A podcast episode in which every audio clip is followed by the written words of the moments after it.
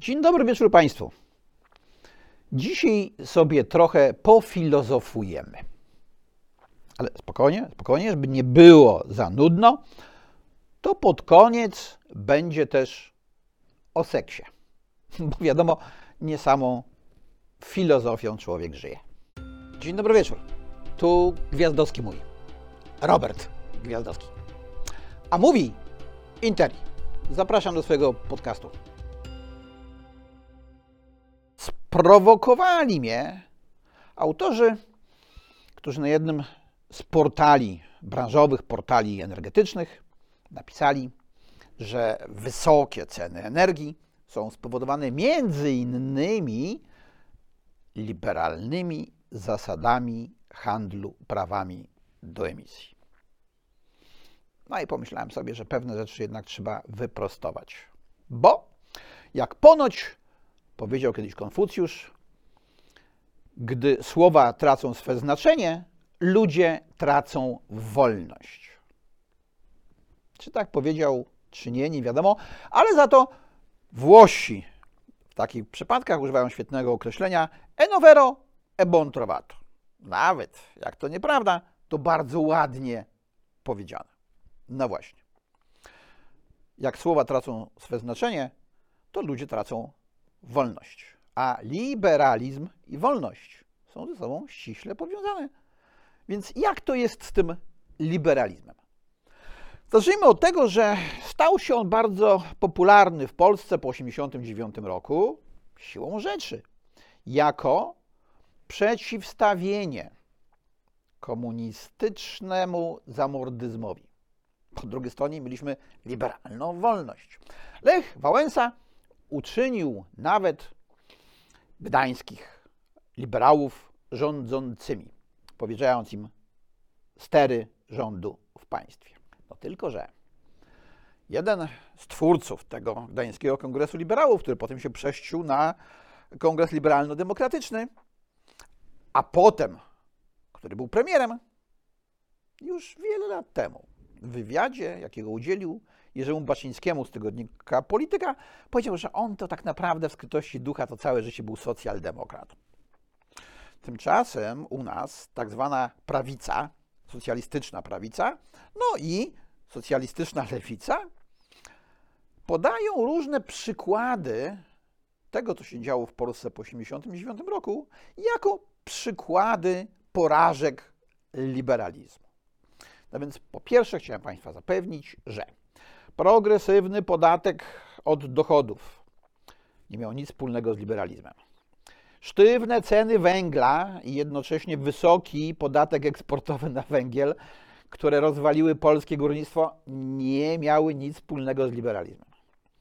Popiwek, czyli podatek od ponadnormatywnego wzrostu wynagrodzeń, nie miały nic wspólnego z liberalizmem co trzy miesiące zmieniane przepisy ustaw, e, przepraszam, rozporządzeń, ustawy to się dłużej zmieniało, podatkowych, które były dla podatków najistotniejsze, nie miały nic wspólnego z liberalizmem. Zwłaszcza taka słynna trzydniowa luka vacatio legis, to się oficjalnie nazywało, kiedy przez trzy dni można było do Polski wwieźć wszystko bez żadnego podatku. To nie miało nic wspólnego z liberalizmem. Koncesje różnego rodzaju wprowadzone do ustawy Wilczka nie miały nic wspólnego z liberalizmem. Taka jakaś pokątna prywatyzacja mniejszych różnych przedsiębiorstw państwowych, bynajmniej nie newralgiczny dla gospodarki, nie miała nic wspólnego z liberalizmem. Także ja się nie dziwię, że ludzie liberalizmu nie lubią. No problem polega wyłącznie na tym, że oni myślą, że liberalizmem jest coś innego niż rzeczywiście jest. A co w takim razie jest tym liberalizmem? Otóż tak naprawdę zaczęło się w starożytnej Grecji. Sofiści zaczęli interesować się jednostką i jej prawami.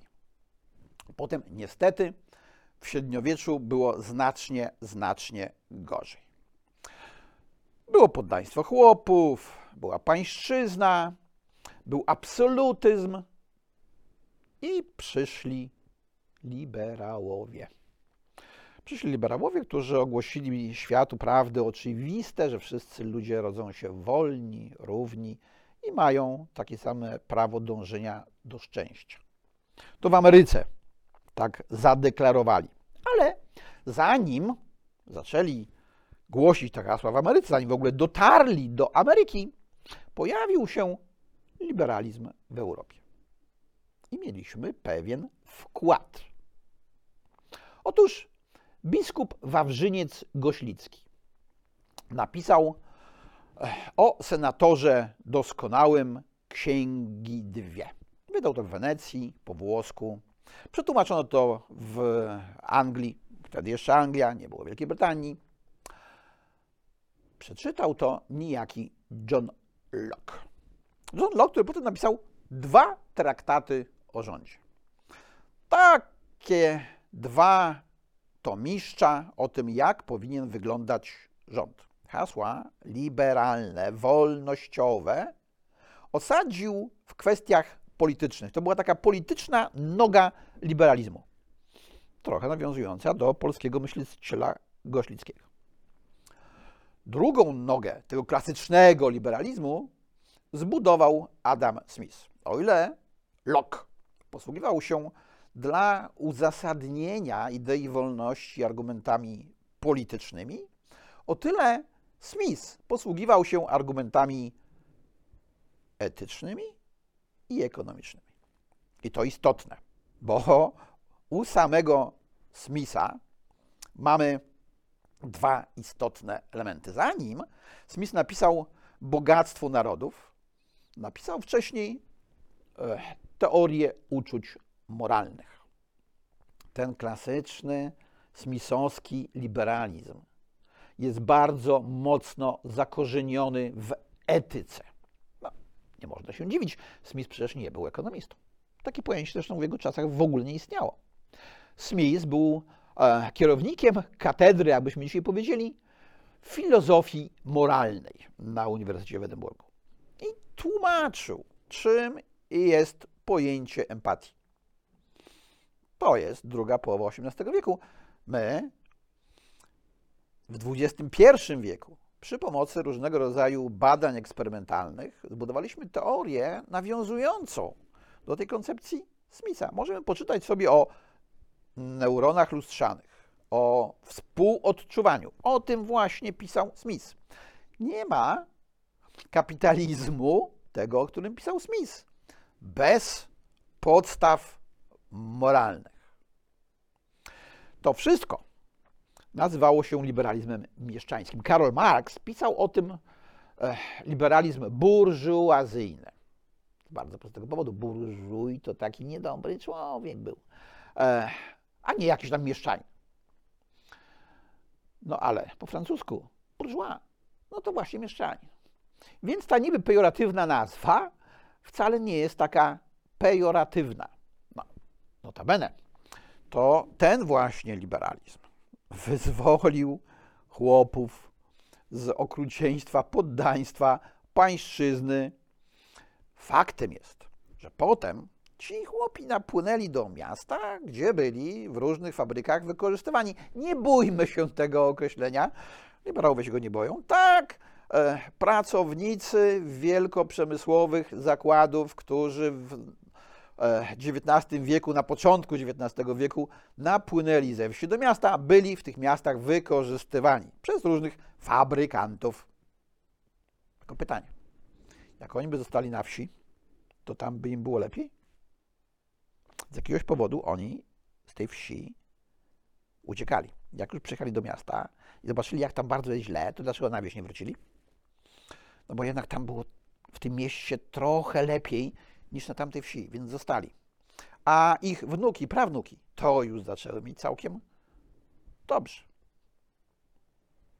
Gdybyśmy dalej tkwili w feudalizmie, gdyby nie było kapitalizmu, to by było znacznie gorzej. A można oczywiście powiedzieć, no dobra, dobra, przecież od razu mogliśmy zbudować socjalizm. No, zrobiono tak, proszę Państwa, w Rosji radzieckiej. Tam przeskoczyliśmy od feudalizmu bezpośrednio do socjalizmu, e, który okazał się być komunizmem. To ogniwo pośrednie zostało wymillowane, skończyło się jak się skończyło. Ale to nie koniec liberalizmu. Bo proszę Państwa, po tym liberalizmie klasycznym, mieszczańskim, nazywanym albo przezwanym burżuazyjnym, pojawił nam się liberalizm arystokratyczny. To takie trochę dziwne. Montesquieu, twórca koncepcji podziału władzy, nazwany jest ojcem tego liberalizmu arystokratycznego.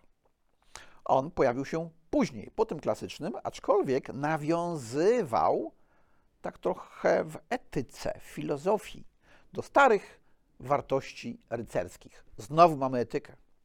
Do kodeksu honorowego.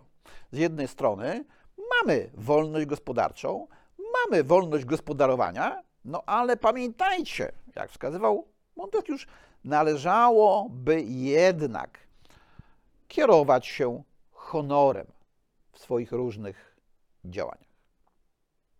Potem Alexis de Tocqueville, kolejny wielki Francuz, kolejny wielki liberał, zaczął popychać delikatnie liberalizm w kierunku demokracji. Bo klasyczny liberalizm z demokracją nie miał kompletnie nic wspólnego. To są dwie różne bajki. Demokracja to ustrój polityczny, to sposób rozstrzygania sporów politycznych, a liberalizm to idea filozoficzna no i ekonomiczna. Tocqueville, badając życie w Stanach Zjednoczonych, zauważył, że demokracja robi tam coraz większe postępy i stwierdził, że przed tą demokracją nie da się uciec. Dlatego lepiej jest ją wychować, niż tak porzucić. Bo dzieci porzucone same sobie na ulicy, to wyrastają na chuliganów. Więc elity powinny jednak pogodzić się z faktem, że jest ich takie dziecko, mają takie dziecko, które się nazywa demokracja i próbować w jakiś sposób ją wychować. Aczkolwiek, jak poczytamy sobie wspomnienia to chwila, no to zobaczymy, co on sądzi o tych różnych pijakach, którym trzeba było przyznać prawo głosu. Niemniej, jako socjolog, bardzo dobry socjolog, to chwilę zdawał sobie sprawę, że nie ma od tego odwrotu. No a troszkę później pojawił się w Wielkiej Brytanii, już to była Wielka Brytania, John Stuart Mill, twórca tak zwanego liberalizmu socjalnego albo socjaliberalizmu. Mill uznał, że nie tylko wolność jest istotna, ale również równość. I to nie tylko równość szans i równość wobec prawa, ale również pewne elementy równości społecznej. I co się działo z tym liberalizmem dalej? No, wiek XIX to jest tąpnięcie pod podłogą liberalizmu.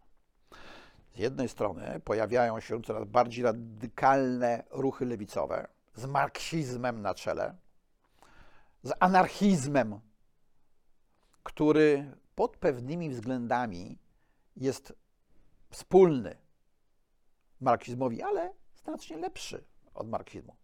Dlatego, że anarchizm dostrzegał niebezpieczeństwo ze strony państwa, a marksiści nie. Marksiści chcieli wykorzystać państwo przeciwko ludziom. Ale o tym innym razem.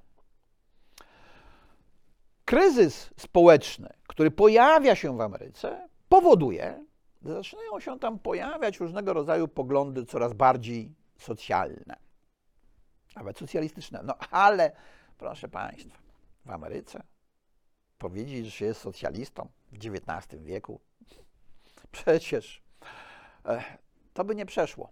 Dlatego amerykańscy socjaliści, jak to socjaliści, postanowili coś ukraść. Zaczęli od nazwy. Ukradli nazwę liberałom. I sami nazwali się liberałami. No, co mieli w takim razie zacząć robić yy, liberałowie? No, oni nadal chcieli być liberałami, ale socjaliści nazwali ich konserwatystami. No, był jednak taki problem, że byli także prawdziwi konserwatyści. To ich, tych prawdziwych konserwatystów, nawiązujących do tradycji Edmunda Berka, e, de Mestra, de Bonalda, tych konserwatystów europejskich, to tamtych nazwano konserwatystami organicystycznymi, a liberałów nazwano konserwatystami indywidualistycznymi. I dlatego Fryderyk August von laureat Nagrody Nobla z ekonomii 1974 roku, jeden z najsłynniejszych neoliberałów, swoją Konstytucję Wolności, jedno ze swoich najsłynniejszych dzieł, opatrzył takim końcowym rozdziałem pod tytułem Dlaczego nie jestem konserwatystą, tylko właśnie liberałem. Ten rozdział w ogóle nie pasował do swojej książki, no ale był to pewien jego manifest mówiący o tym, czym jest prawdziwy liberalizm. Jednak postępy socjalizmu spychały klasycznych liberałów na margines. Zaczęli się oni bronić. W roku 1938 odbyło się w Paryżu kolokwium zwołane przez Waltera Lippmana. Używając dzisiejszego języka, można było powiedzieć, że to taki amerykański dziennikarz celebryta. Na to kolokwium do Paryża przyjechali klasyczni liberałowie z całego świata. Po pierwsze, Francuzi. Po drugie, Amerykanie. Po trzecie, Niemcy. Po czwarte, Austriacy. Oni się zgadzali co do tego, że państwo to jest dla ludzi rzecz niebezpieczna. Owszem, jest pomocne w wielu sprawach, ale ma tendencję do tego, żeby rozszerzać zakres swojej władzy nad obywatelami. To ich łączyło, to przekonanie. Natomiast w kwestiach ekonomicznych to oni się bardzo różnili. No bo na przykład Niemcy, tacy jak Rustow, Robke, to byli twórcy przyszłej szkoły niemieckiego ordoliberalizmu, czyli liberalizmu socjalnego, czyli koncepcji państwa socjalnego, wolnorynkowego z pewnymi elementami socjalnymi. Austriacy, Hayek, Mises to zupełnie inna bajka, bo można by było o nich powiedzieć libertarianie, czyli generalnie rzecz biorąc przeciwnicy państwa jako takiego, zwłaszcza von Mises. Hayek był delikatniejszy w pewnych sprawach. No i wreszcie ekonomiści amerykańscy z Miltonem Friedmanem na czele.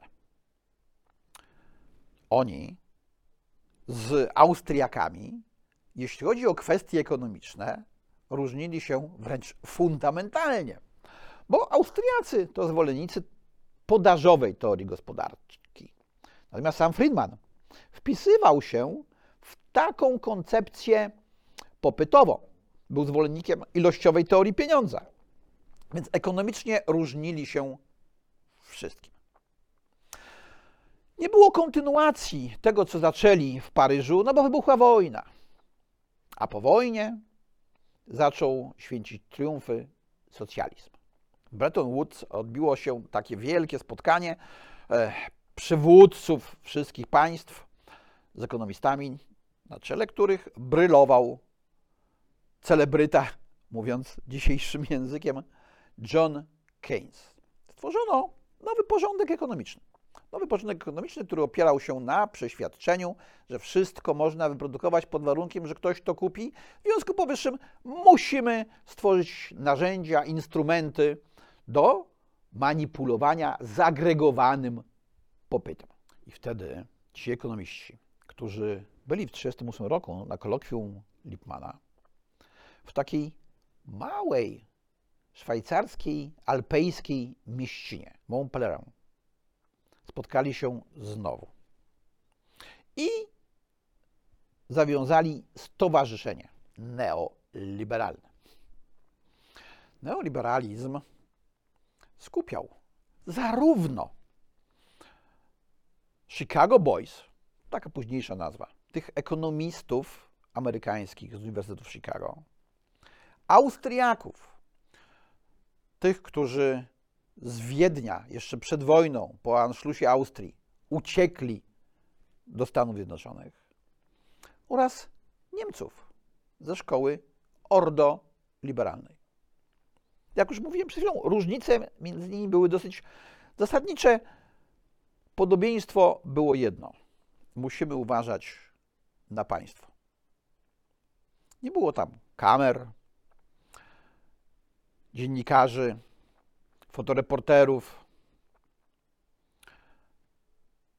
Inaczej zupełnie niż Bretton Woods, gdzie budowano nowy porządek świata, który się wysypał w roku 1971, gdy Stany Zjednoczone ogłosiły bankructwo. Tak, proszę Państwa, e, prezydent Nixon powiedział, że on nie będzie wysyłał do Francji tego złota, co to powinien wysłać w zamian za dolary, które mu Francja przysłała, na które to złoto, te dolary powinny zostać wymienione. Bo piraci, niebezpieczna sytuacja. Ale tak naprawdę upadł wtedy ten system. No i winę rzucono na kogo? Na liberałów. W Polsce dzisiaj z jednej strony prawica narzeka na liberalizm, z drugiej strony lewica narzeka na liberalizm. Tacy różni działacze, którzy kiedyś pokazywali się nawet w koszulkach z Karolem Marksem, mówią o neolibkach. Nie mają zielonego pojęcia, czym był i jest neoliberalizm. Neoliberalizm musi mieć coś wspólnego z liberalizmem. No tak jak neogotyk ma coś wspólnego z gotykiem. Na czym polega filozofia liberalna? Po pierwsze, indywidualizm. Brzmi chyba dobrze. Wszyscy jesteśmy indywidualistami. Lubimy być, lubimy się wyróżniać. Po drugie, atomizm społeczny. Liberałowie twierdzą, że coś takiego jak społeczeństwo to w zasadzie nie istnieje, bo tak jak e, w mikrofizyce są poszczególne atomy, tak i w społeczeństwie są poszczególne jednostki. O ile hasło indywidualizm brzmi ładnie, o tyle ten atomizm to już mniej ładnie, ale należy się tym posługiwać obiektywnie, nie upiększając, dla opisu ideologii liberalnej. Po trzecie, no i tuż będzie brzmiało pięknie, egalitaryzm, czyli równość. No tylko, że pewien rodzaj równości jest tu istotny. Równość wobec prawa i równość szans. No bo pamiętajmy, że liberalizm wystąpił przeciwko monarchii absolutnej, przeciwko poddaństwu chłopów, przeciwko pańszczyźnie. Stąd ten egalitaryzm. Ludzie są równi, ale równi są w momencie, kiedy się rodzą. No, a potem, jako że różnią się pod wieloma względami, to siłą rzeczy osiągają różne wyniki, różne rezultaty w rywalizacji na wolnym rynku. Po czwarte, kluczowe hasło liberalizmu, o którym powiem w następnym odcinku. Wolność. Wolność jako brak przymusu. Po piąte, ta właśnie równość rozumiana jako równość szans. Po szóste, sprawiedliwość. O tym, czym jest sprawiedliwość, też powiem Państwu w kolejnym odcinku. Ta sprawiedliwość nawiązująca do Arystotelesa, do świętego Tomasza z Akwinu. Bo sprawiedliwość bynajmniej nie polega na tym, żeby wszyscy mieli równo. Bo równość to równość wobec prawa, a nie równość ekonomiczna. Kolejny element, bardzo istotny w liberalizmie, to religijny deizm. Tu była pewna różnica, bo na przykład liberałowie francuscy, Voltaire, Diderot, takich przynajmniej określano liberałami, byli ateistami. Voltaire ogłosił, że nie będzie na świecie dobrze dopóty, dopóki nie powiesi się ostatniego króla na kiszkach ostatniego księdza. Ci brytyjscy i amerykańscy liberałowie byli deistami. Pan Bóg jawił się jako zegarmistrz, który co prawda ten świat tworzy, ale się nim nie interesuje, nie majstruje przy tym mechanizmie, który powstał. Kolejny element własność prywatna. Własność prywatna, która jest podstawą funkcjonowania ekonomii, no bo przecież robimy różne rzeczy po to, żeby coś zdobyć dla siebie, dla swoich własnych potrzeb, ale jednocześnie, która to własność jest pewnego rodzaju gwarancją wolności. Bo im więcej mamy, tym mniej państwo może nam zrobić. Oczywiście państwo, jak ma za dużo władzy, może zrobić wszystko, może zabrać nam tę własność, znacjonalizować. Może, bo ma siłę, ale dopóki państwo tej siły nie wykorzystuje, no to jednak więcej możemy, mamy większy zakres swobód i wolności, jak mamy trochę własności. Do tego stopnia liberałowie darzyli własność estymą, że wspomniany John Locke nawet wolność osobistą nazywał własnością osoby ludzkiej. Z wolnością i własnością nieuchronnie wiązał się wolny rynek, tak zwany laissez-faireizm. Wolny rynek to jest pewnego rodzaju metafora, bo to nie jest żadne miejsce. To jest mechanizm ekonomiczny podaży i popytu.